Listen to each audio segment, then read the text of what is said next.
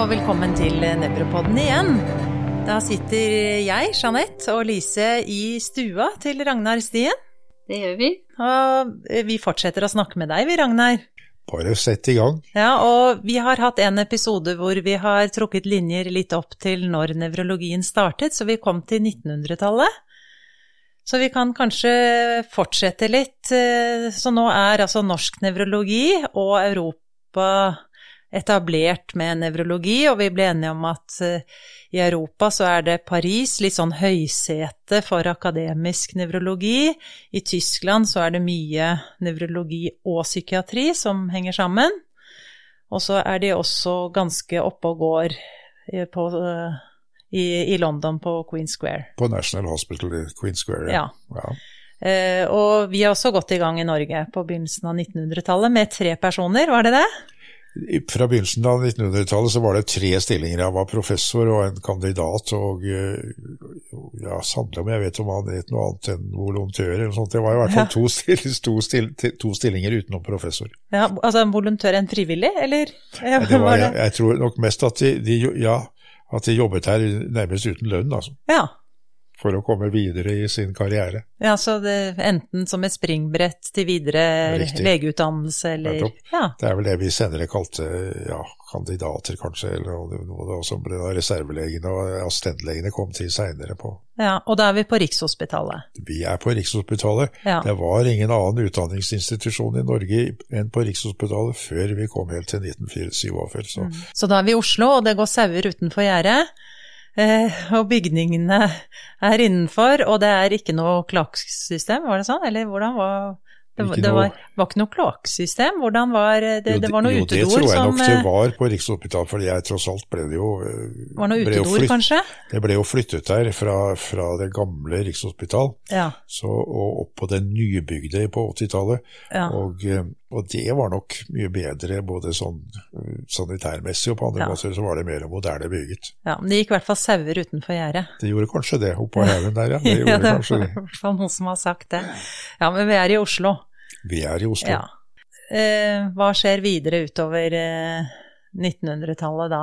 Skal vi fokusere litt på Norge da, kanskje? Eller? Vi fokuserer på Norge, for det er vel det vi er mest interessert i. ja, det er, altså, dette, dette, var jo nokså uendret da. Det, man utdannet jo nevrologer i, i, i, i, Oslo med disse tre stillingene som man hadde til eh, Og det var jo ikke mange som kom igjennom der. Nei. Og det var jo heller ingen formell godkjenning av nevrolog. Det er ikke sånn som det er nå, med krav nei, nei, nei. og hvor man må signere på alt man gjør. Det var det jo for ingen, ingen, spesialiteter, forresten. Og det var mye debatt om det. Det var, var liksom blomstrende beskrivelser i, i, i, de medisinske tidsskriftene om, om, folk som kalte seg spesialister i hits og pist bare etter tre-fire uker etter embetseksamen. Slik at det var helt klart at det var et press på å lage regler for hvordan man skulle godkjenne en spesialist, og hva en spesialist skulle være. Mm. Så i, i, 1918 så var det da Legeforeningen som tok initiativene her, og, og, satte ned en kommisjon som skulle utrede dette. Og så laget man eh, regler, og man, man definerte eh, spesialister. Man definerte, nå husker jo ikke jeg hvor mange, men jeg tror det var 14 forskjellige spesialiteter. Hvorav det var noen store, sånn som kirurgi og indremedisin og psykiatri, og så var det noen små, og nevrologi hørte da hjemme i de små. Og hva var det de eh, utredet og behandlet da, sånn stort sett den gangen? Akkurat det samme som i dag. Altså. Ja. Det kan se på, på sykdomspanoramaet, så var det akkurat det samme. Det de, de var naturlig. Det, det, som kanskje ikke, og som jo faktisk har kommet til mye mer i det siste, det var at man behandlet ikke slag det var lite av, altså. Det, det, var, det, var, veldig mye typisk at det var kroniske sykdommer med, med, med store funksjonsforstyrrelser sånn i muskelapparatet og den slags ting som ja, havnet i nevrologien. Muskelsykdommer, nevropatier, MS, MS, ryggmargskade. Ja, ja, ja. Eh, ALS. ALS også. Ja, ja. ja. Epilepsiene, selvfølgelig. Ja, Skjelvinger. Ja, ja. Mm. Alle slike sykdommer. Hodepiner. Det var det. Det er ikke noe så veldig stor forskjell på det. Er det noen tilstander man behandla da, som vi ser lite av nå, da? På den tiden var det jo encefalitis, for etter spanskesyken der kom jo den utover på 20-tallet i, i, stor grad. Så mm. det var jo en, en, svøpe for folk, og så var det polio. Ja. Som uh, man hadde folk liggende i ja, etter hvert i jernlunger og den slags ting, som da også ble liggende i nevrologiske avdelinger. Nevrosyfilis? Nevrosyfilis, vet du, var Egentlig var det ikke Det ble nok behandlet på nevrologiske avdelinger, men det var særlig komplikasjoner, vet du, som, eh, som kom til. Eh, mens ellers var syfilis var en hudsykdom. Det, det, var der de Og de hadde jo i, og, vi hadde jo Oslo-materiale i ubehandlet syfilis. Og det var det venerologene som styrte meg, og ikke, ikke nevrologene på noen måte. Så jeg tror nok ikke Men, men moderat Krohn, som jo snart burde komme til, han var nok interessert i komplikasjoner av syflis på nervesystemet. Og ikke først og fremst paralysisk paralysis generalis, da, denne svære eh, affeksjonen av storhjernen, men mer sånne perifere ting, og særlig ryggmargsforandringene.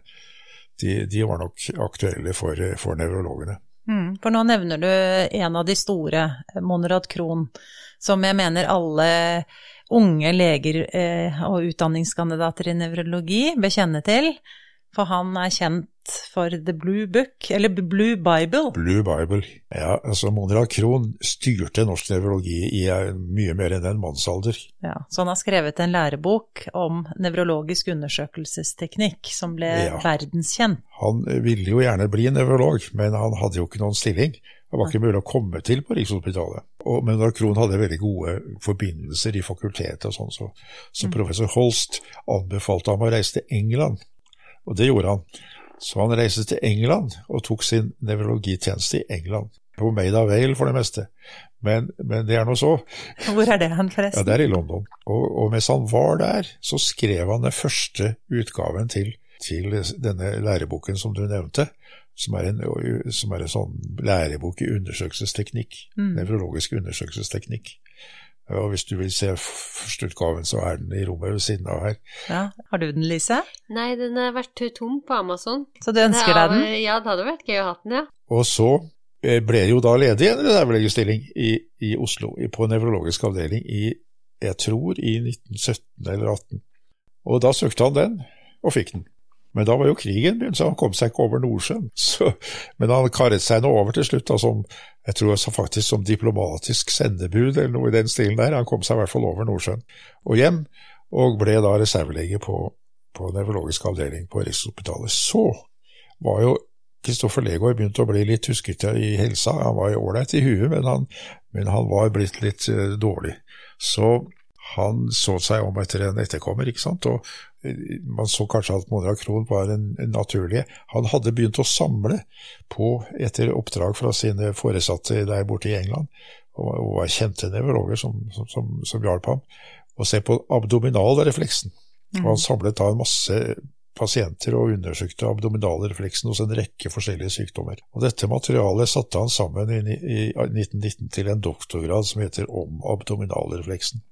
Ja, den er så, kanskje verdt å lese, for det er ikke så mange som har skrevet om den siden? nei, jeg, jeg, har lest den, og, ja. og, eh, egentlig er jeg litt forbauset over at han helt tatt fikk en doktorgrad på det materialet, men det er noe egentlig en annen sak. Det er et utmerket eh, klinisk materiale, skikkelig ja. ordentlig og nøyaktig gjort på alle måter. Men han ble altså doktor med i 1919, og da hadde man en ny akademisk kandidat til ja. denne stillingen. Og da Legor ville gå av i 1921, så var det på mange måter mange så det sånn. Det søkte to kandidater. Ja, Først hadde man en kjempejobb i fakultetet, for det var motstandere av å ha denne elektrisøren fortsatt. Ja, for nå ville de over til noe annet? Nå ville de ta nevrologien tilbake til indremedisinen. Så, så Ble det litt dyre strømregninger på Rikshospitalet, eller? ja, ikke vet jeg, men det er jo klart at det var motstand mot å bevare det professoratet.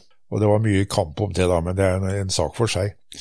I alle fall så ble det nå til at professoratet ble beholdt, og det ble utlyst, og det var to søkere. Den ene var Monerad Krohn, og den andre var Wilhelm Magnus. Og Wilhelm Magnus hadde utdannelse fra hos Legård på avdelingen, pluss at han hadde vært flere år hos Victor Hawley i, i, i London, en av, en av, de store forgrunnsfigurene og pionerene i nevrokirurgien. Så han var Norges første nevrokirurg. Og eh, begge to søkte, og det var litt uklarhet om hvordan man skulle gjøre, så man satte da ned en eh, komité, som en komité som sa at de var omtrent like gode, og så ble det utlyst en skulle det være en konkurranse. Man skulle holde forelesningskonkurranse, og så skulle man ha et pasientdemonstrasjonskonkurranse, og et gruppe ble nedsatt for å velge ut pasienter og emner osv. Da trakk Wilhelm Magnus seg. Når han hadde trukket seg, og de begge to var godkjent, så ansetter vi Monrad Akron. Og sånn ble det. Og siden så var Monrad Krohn professor i nevrologi i Norge frem til ja, når var det da? 1954 eller 56, da rundt der. Ja, Så han var lenge? Han var kjempelenge? Kjempelenge. Ja. Og han styrte dette med steinhard han. og det var ikke mulig å, å, bli noe som helst i norsk nevrologi uten at man hadde vært innom Monrad Krohn, og han hadde godkjent at sånn skulle være. Så han utdannet også mange nevrologer og eh, avdelingsoverleger på andre sykehus i Norge, da, ikke sant? Sammen. Når begynte de andre nevrologiske avdelingene da? Den første nevrologiske avdelingen utenom Oslo var i Porsgrunn. Men, men, her i Oslo var det jo da i 47 på, på, på Ullevål, og så var det jo Rikshospitalet for øvrig.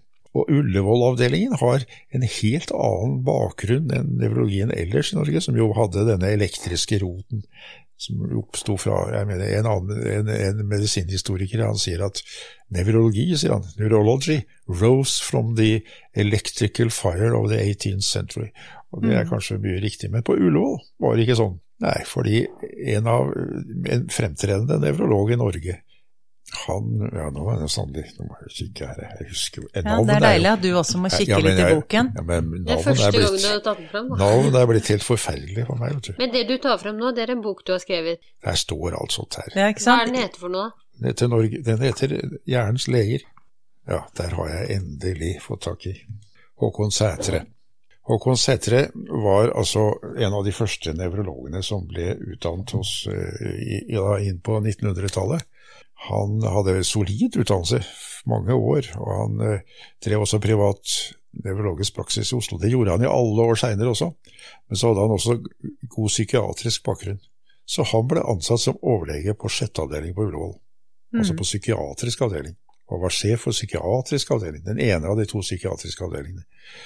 Men der eh, drev han nesten en nevrologisk avdeling. altså Han hadde fullt utstyr til å gjøre nevrologisk eh, nevrologiske undersøkelser med seg på visitter og sånn. og Han eh, grunnla sentrallaboratoriet på Ullevål fordi han var interessert i spinale væskepatologier etc., etc i prinsippet nevrologisk konsulent for hele Ullevål sykehus. Og det ble ganske mye for han. Han var sjef på, på psykiatrisk avdeling, han var konsulent i nevrologi, og han drev privat nevrologpraksis i byen. Så det hørtes veldig mye ut. Så etter hvert så ble det tilsatt en assistent for ham på dette feltet der, på ja. nevrologifeltet. Kristian Kristiansen, senere professoren i nevrokirurgi, var der en periode, og så kom Brynjulf Ingebrigtsen eh, som, som, som assistent der, og han hadde ikke så voldsomt lang, men ganske grundig nevrologutdannelse han også. Han del, dels fra Rikshospitalet og dels fra København, hvor han hadde vært hos bl.a. en av de store nev nevrofysiologene, Buchtal. Så han ble ansatt, og så skal, skal, vi gjennom alle, Lise? Hva tenker du som er nei, men, litt yngre? Men Bryluf Ingebrigtsen er da den mannen som på en måte da grunnlegger nevrologien på Ullevål. Han fikk i 1947 oppgaven å, da, å opprette en nevrolog For da, da, var jo Håkon Sætre død, forresten, det bør jo nevnes. Han ble skutt av okkupasjonsmakten for, som represalie for, for, at hjemmefronten likviderte sjefen for statspolitiet, general Martinsen. Det tror jeg faktisk jeg har hørt. Ja, Håkon Sætre ble skutt som, av de 26 gislene som ble skutt i forbindelse med det. Så Håkon Sætre var jo en motstandsmann i den forstand at han hadde et svært lager av danmarkshjelp i kjelleren på avdelingen sin. Det fikk jo sånn mathjelp fra Danmark, og mye av den ble da en del av det ble konvertert ned i kjelleren til Håkon Sætre, som så igjen fordelte den til motstandsfolk som lå i dekning eller andre som trengte mat. Men det var vel tilfeldig at han ble valgt ut blant de som eh, Det var litt tilfeldig, men det, han var jo en kjent motstandsmann, egentlig. Ja, han var det, ja. ja så derfor så valgte de ut han. Men, ja. han men, men, det var ikke fordi han hadde gjort noe spesielt akkurat da, men de plukket ut betydningsfulle mennesker i samfunnet, og så ja. skjøt de dem på, på Akershus. Det var stor ståhei, vet du, for det var i februar 45, og de begynte å bli redde for sine egne liv, disse gutta. Så, så det var Men, men litt tilbake til altså mellomkrigstiden. Da har vi etablert en del nevrologiske avdelinger rundt omkring? Nei. Nei det er først etter krigen? Ja, 47 er den første. Ja, ja, det sa du vel. 47, Men det hadde etablert seg noen privatpraktiserende. I ja. Oslo var det ganske mange, for det var jo ikke noe annet å gjøre. Men hva gjorde man da, da? Måtte man reise til Oslo for å få undersøkelse for nevrologiske ja, sykdommer? Ja, det måtte du. Det måtte du. Det vil si altså at det, var, det, hadde, det hadde etablert seg tre nevrologer utenom Oslo, og de etablerte seg på tidlig 30-tall. Det, det, var Ilen i, i, i, Stavanger, og det var Audun Skjøtt i Bergen, og det var Snitler i Trondheim. Og Det var de tre som fantes utenom Oslo. Og Så kommer vi til eh, etterkrigstiden, og da begynner vi også å komme ganske tett inn på polioepidemiene. På 50-tallet var det polioepidemier ja, som var ganske skremmende, og da var da man opprettet disse polioinstituttene rundt omkring, og Sentrale institutter for poliomyelitt i Oslo på kronprinsesse Märthas institutt. Og da fikk nevrologien fart, eller? Ja, jeg tror ikke det var bare det som gjorde altså, Hvis man ser på hvordan nevrologien spredte seg utover landet, så spredte den seg på et par-tre forskjellige måter. Det ene var jo at det ble opprettet nye akademiske altså avdelinger ved de nye, de nye universitetssykehusene, det første i Bergen som vel kom i 52 eller noe sånt, kom det, kom det første avdelingen der. Og så etter hvert kom det på Akershus, og så kom det i Tromsø og Trondheim osv. Så, så, og da ble det jo opprettet stillinger, ikke sant. Og så. Det vanligste måten å spre nevrologien utover på, var at det ble opprettet spesiallegestillinger ved, ved fylkessykehusene. Ja. Og de hadde ikke avdeling, men, men de, hadde, det var altså en stilling som var konsulent for de andre avdelingene. Og det var en veldig vanlig ting. Så etter hvert som de da hadde bevist behovet for nevrologi, så fikk de etter hvert opprettet avdelinger, og hvor de som oftest spesiallegen som var der allerede, ble avdelingssjef for en ny nevrologisk avdeling. Sånn var det nesten over hele landet. Mm. Og det, Etter hvert så ble det bare ett fylke som ikke hadde en nevrologisk avdeling, nemlig Finnmark. Men ellers var det overalt. Og hvis vi skal ta da litt kjente nevrologer fra etter krigen og litt frem til i dag. Ja, så Brynjulf Ingebrigtsen ble da sjef på, på Ullevål, og, men der hadde man da ingen akademisk stilling så lenge han var sjef på, på, på avdelingen. Han var jo han var en veldig interessant fyr, forresten. Han er mm. veldig artig. Han, jo, han var eh, sprudlende og sånn utadvendt. Han var et teknisk fenomen. Han oppfant eh, kanyler til spinalpunksjon og ja, forskjellige teknikker. Så han var litt ingeniør? Han var ikke ingeniør. Nei, da, men han kunne nesten ha vært det? Kunne, ja, han bygde biler selv. Og var evig formann i Ullevål legeforeningen, og de hadde noen fabelaktige julemøter hvor han liksom var den som sto for, for dette her. Da han døde plutselig, i ja, når var det han døde, 67, så ble jo, eh, ble jo Jan Presthus sjef på Ullevål, mm. som kom fra Molde. Og han var jo da sjef i mange, mange herrens år fremover, og på den tid ble da den avdelingen også en akademisk stilling, og vi fikk et dosentur først, og så senere professorat. Den første professoren var vel, var vel Bolla Vanvik på, på Ullevål sykehus. Men, men, så ble det også opprettet akademiske stillinger andre steder, i Trondheim f.eks.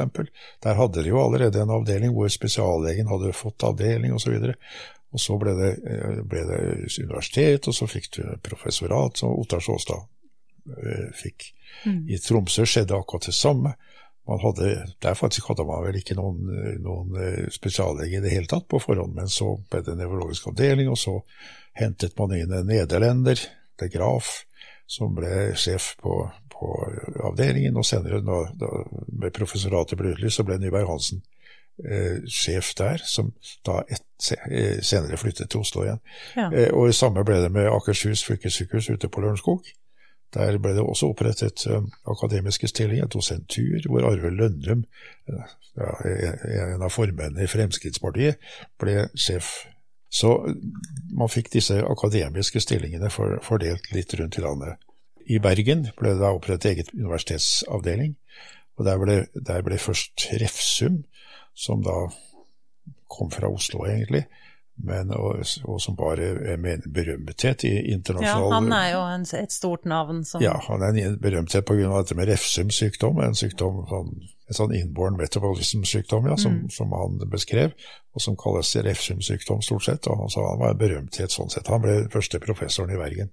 Men han var da gjesteprofessor i, i USA på den tiden, så, så Mona Krohn fra Oslo overtok den jobben en kort periode da inntil Refsum kom tilbake. Og så fikk Refsum jobben etter Moderat Krohn, så han tjenestegjorde jo ikke noe særlig i Bergen i det hele tatt. Og så ble det utlyst på nytt i Bergen, og det var søkere. Det var ja, det er en artig historie, men det kanskje ikke hører hjemme her. Men, men det var Frøvik og en, og en trønder som heter, som heter Størtebekker, Patrick Størtebekker, som da var dosent i nevrologi på Salgrenska sykehuset i Göteborg. Og eh, som hadde en doktorgrad, og som har skrevet masse lærebøker og masse rart. Han var en omstridt person i, i, i, skandinavisk nevrologi, fordi han trodde på, på fokalinfeksjoner. Han trodde at infeksjoner i tennene var årsak til all verdens nevrologiske sykdommer. Og han trakk tenner på MS-pasientene og jeg vet ikke hva, alle mulige. Og eh, de ville ikke ha han. Så da ansatte de heller eh, Arne Frøvik som da ikke hadde noen doktorgrad og en publikasjonsliste på ti nummer. Han ble professor i Bergen. Og de, disse gutta utdannet jo da neste sjikt igjen av, ja. av nevrologer. Ja? Så nå har vi etablert ordentlig akademisk nevrologi i hele, hele, Norge. I hele Norge. Eh, og jeg tror ikke vi skal ta absolutt eh, alle ved som har jobbet eh, hvor, men, men vi må kanskje vite litt om altså det, det, er jo andre personligheter som også har bidratt i norsk nevrologihistorie, og da må vi egentlig til eh, mer Altså Nansen. Ja, Nansen. Så Nansen har også drevet mye med nevrovitenskap, og Brodal må vi bare kort innom. Men, eh, men, Nansen var jo ikke medisiner. Han var, eh, han var 21 år gammel, så ble han ansatt som kurator ved museet i Bergen. Og der regjerte, regjerte eh, Cornelius Danielsen, eh, som jo var sjef for eh, lepraomsorgen i Norge, og de tre sykehusene for lepra som de hadde i Bergen, og hans svigersønn Armaur Hansen, som jo oppdaget leprabasillen. Mm. Og Armaur Hansen og, og, Danielsen også, for den saks skyld, var interessert i lepraens påvirkning av nervesystemet, som jo er ganske formidabel. Og Armeur Armaur Hansen jobbet faktisk hos en annen storhet i nevrologien, hos eh, Ranvier. Han med de ranvierske innsnøringene. Ja, han i Paris. Og der jobbet han med perifere nerver, som jo da blir affisert av, av, lepra. Ja, for det er først og fremst det. Ja. Hud og perifere nerver. Riktig. Og, og, og, er, og, det artige med det er at han hos Ranvier så lager han et arbeid hvor han beskriver, jeg tror som den første i verden, den, den muskelendeplaten. For, for, for, for Armaur Hansen var opptatt av hvordan nerveimpulser overføres fra den ene organet til det andre og mellom nerver osv.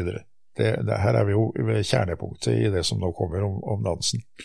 Og Derfor så, så han på hvordan nervene på, forbandt seg med muskelen. Og Der skriver han at, at nerven går ikke direkte inn i muskelen, den ender i en sånn opphøyd et eller annet sånn opp, oppsvulming på muskelen. Og jeg tror personlig at det er den første skikkelige beskrivelsen av muskelendeplaten i det hele tatt. Men de, denne hans interesse for denne overføringen da, gjorde at han satte den nye, nye uh, kuratoren, som det het, på 21 år, som ikke hadde annet enn artium og knapt nok studert skikkelig. Nansen fikk jo aldri noen skikkelig embetseksamen. Han, han, uh, han var jo professor både i ene og andre uten å ha skikkelig sånn formell utdannelse. Han satte ham til å se på akkurat dette med nervesystemets oppbygning hos primitive organismer, særlig maritime, organismer, da, blant annet. Og, og, og, Nansen han fikk et mikroskop av sin far, eh, advokaten i Oslo, og satte i gang og så på dette, og skjønte fort at han ikke kunne se noe som helst i mikroskopet på nervene, så han dro uten noen avtale til Camillo Golci i Padua i Italia og stroppet opp på professorens kontor og sa at her er jeg, kan du lære meg denne berømmelige sølvimpregneringsmetoden som da var kjent rundt omkring i Europa, hvor man satte sølvimpregnerte nervene og så dem som tråder i, i, i mikroskopet. Jeg vil jo tro at Golschi ble ganske overrasket, men, eh, men han syntes nok at det var en ganske vittig fyr som dukket opp der, så han ga ham jobb på laboratoriet, og i løpet av noen uker så hadde han lært seg den teknikken. Og Så dro han da tilbake til Norge, og begynte med sølvimpregneringsteknikk og kunne jo se nervetråder og forbindelser veldig mye bedre. Altså. Og hun hadde et veldig godt mikroskop med oljelinser som mange ikke hadde på den tida. Så var så, det egentlig liksom starten på det, det litt gode nevromiljøet også, sånn ja, basalnevroforskningsmiljø? Ja, det er, jo, det, er jo en, det er jo en begynnelse på det, i hvert fall. Mm. Det er helt klart. Det, det, er helt opplagt. Og så kom da, kom da dansens doktoravhandling, som, som, handler om histologien i, i nervesystemet, altså. Eller andre også? Til slimhold, men også andre organismer så han på. Og han, han, gjorde noen veldig bra oppdagelser. Jeg mener, jeg kan si at det er tre ting som går igjen i den doktoravhandlingen. Det ene er en veldig fin beskrivelse og bevis for hvordan en refleksbue fungerer, med innad, altså afferente, efferente eh, deler av den, og med, med en sånn senter for, for koordinering av impulsene. Så beskrev han det som en kort, i hvert fall en kort periode ble kalt Nansen-fibrene. Når sensoriske fibre går inn i bakhornet, så deler de seg dikotomt. En som går oppover, en som går nedover. Sånn at det blir forbindelse med et ganske stort område. I, i, og, og, noen, skriver Nansen, de flytter seg over på den andre sida også. Mm. Og hadde en veldig fin konklusjon på det, at det er nok ikke noe Det kan nok hende at det er en lokalisasjon i, i nervesystemet, men det er aldri noen isolasjon. Så det var forbindelse med, med, med hverandre. Internevroner og Men det tredje var selvfølgelig det at man på den tiden trodde, eller mente, at nervetubuli, som det fortsatt het, eh, kommuniserte med hverandre som et elektrisk system. Altså som ledningen i et elektrisk system, at de var koblet direkte til hverandre, og elektriske impulsen bare gikk videre i forskjellige retninger. Og Nansen han så på dette og fant ikke noe forbindelse. Til å begynne med skriver han at eh, jeg har, sånn som andre hevder her, sånn den og den hevder at det er sånn og sånn, men jeg har i hvert fall ikke hos denne dyregruppen ikke sett det. Men så i doktoravhandlingen sin skriver han kategorisk jeg har aldri sett det, og jeg tror jeg er entitled til å si at det, det er ikke noen sånn forbindelse. Det gjorde at, at andre opponentene ved, ved, ved disputasen ble helt forskrekket og sa at dette vi kan vi ikke godkjenne for ingen andre som har, har, sagt akkurat dette, og kan det være riktig med bare denne undersøkelsen her som men, Så de holdt på å underkjenne doktorgraden hans? Holdt på å underkjenne doktorgraden mm. hans, ja, men de gjorde nå det allikevel, da. Så kan du si at han var da en av pionerene på dette med, med, med, det som etter hvert kaltes nevron, nevronteorien. At nevronet var en enhet uten noen direkte forbindelse med andre ting. Eh, synapsen ble først beskrevet eh, ja, ti år seinere, godt og vel, i 98 eller noe sånt, når Sherrington i 98. Så, så han var en pioner på dette feltet. Og det var en sveitser og en, og en, eh, og en ja, hvor kom han fra? Hiss. Han er kanskje sveitser, han òg. Hiss, den, ikke han med bunten, men en annen, var faren hans. Han, han beskrev også dette mm. i, i, i embryoer. Og, og, og, så var det en, en annen sveitser som var psykiater, som, som, på bakgrunn av kliniske iakttagelser og så hvordan folk med skader på nervesystemet oppførte seg, så sa han at det kan ikke være direkte forbindelse, for det stopper akkurat der og sånt. Så, mm. så, det var de tre som var pionerene på, på dette feltet. Er det noen andre som vi burde nevne? Ja, Vi har jo nevnt Refsum, som ble en berømthet ikke sant, pga. sin sykdom. Så har vi nevrokirurgen, som også var nevrolog, eh, Torkelsen, mm. som gjorde de første skjøntoperasjonene i verden. Torkelsens operasjon er fortsatt et begrep internasjonalt. Så er det Oslo School of, of Neuroanatomy, som, jo, som jo var fremtredende pga. Sine, sine undersøkelser av hjernen, altså anatomiske undersøkelser på hjernen, hvor Jan Jansen kanskje var den første. Jan Johansen senior, og så kom Alf Brodal og Fred Valberg og Jan Johansen jr. osv. Ja, da, mange ja. av dem som, eh, som, var fremtredende nevroanatomer, altså som faktisk utdannet nevroanatomer eh, for andre land også. Det var et eget miljø her for akkurat det. Mm. Så, og det er det fortsatt? Og det, det er det fortsatt, ja. Miljø. Det er helt riktig. Og så avskallingen til nevrofysiologi også, den basale nevrofysiologien som kom med Koda og, og Per Andersen og slike ting eh, seinere. Så, så basalforskningen i, i, i, nevrobiologi har vært ganske betydelig i Norge, egentlig, både med Nansen og med disse Oslo School. Så har vi jo andre sykdommer som innborn error som ble oppdaget, men ikke akkurat i, som er nevrologiske sykdommer på mange måter, sånn som følgingssykdom er også en slik en. som også er fra Norge, som har, som har, gjort at dette miljøet har vært kjent utad i, i, verden. Ja, så Det er jo ganske mange som er kjent Absolutt. opp gjennom årene. For, helt, for litt ferske nevrologispirer, da, hvis du tenker eh, nevrologiens historie i Norge, er det, liksom, hva er, det vi, er det noe du tenker vi bør kunne spesielt? Jeg bør lese boka her. ja, den boken heter 'Hjernens leger'. Hjernens leger, ja. ja. Der står det mest, altså. Så, så, så det er nå så. Det, det er kanskje ikke noe det, veldig, det spørs jo litt hva du er interessert i, vet du. Jeg, er jeg, jeg kaller meg selv uhelbredelig amatør i nevrohistoriker, og har gjort, vært det hele mitt liv, men med, med, med spesialinteresse i retning av hva nevrologi har betydd for, for samfunnslivet for øvrig som kultur og, og, og, historie og verdensbegivenheter og hva det nå måtte være. fordi nevrologi er jo overalt. Alt er nevrologi. Vi har jo ingen hjerne. Vi er en hjerne. Ja, det, det, det syns jeg er en god avslutning. Det tenker jeg også. Ja, vi er en hjerne. Tusen takk for at du stiller opp igjen. Det var bare hyggelig.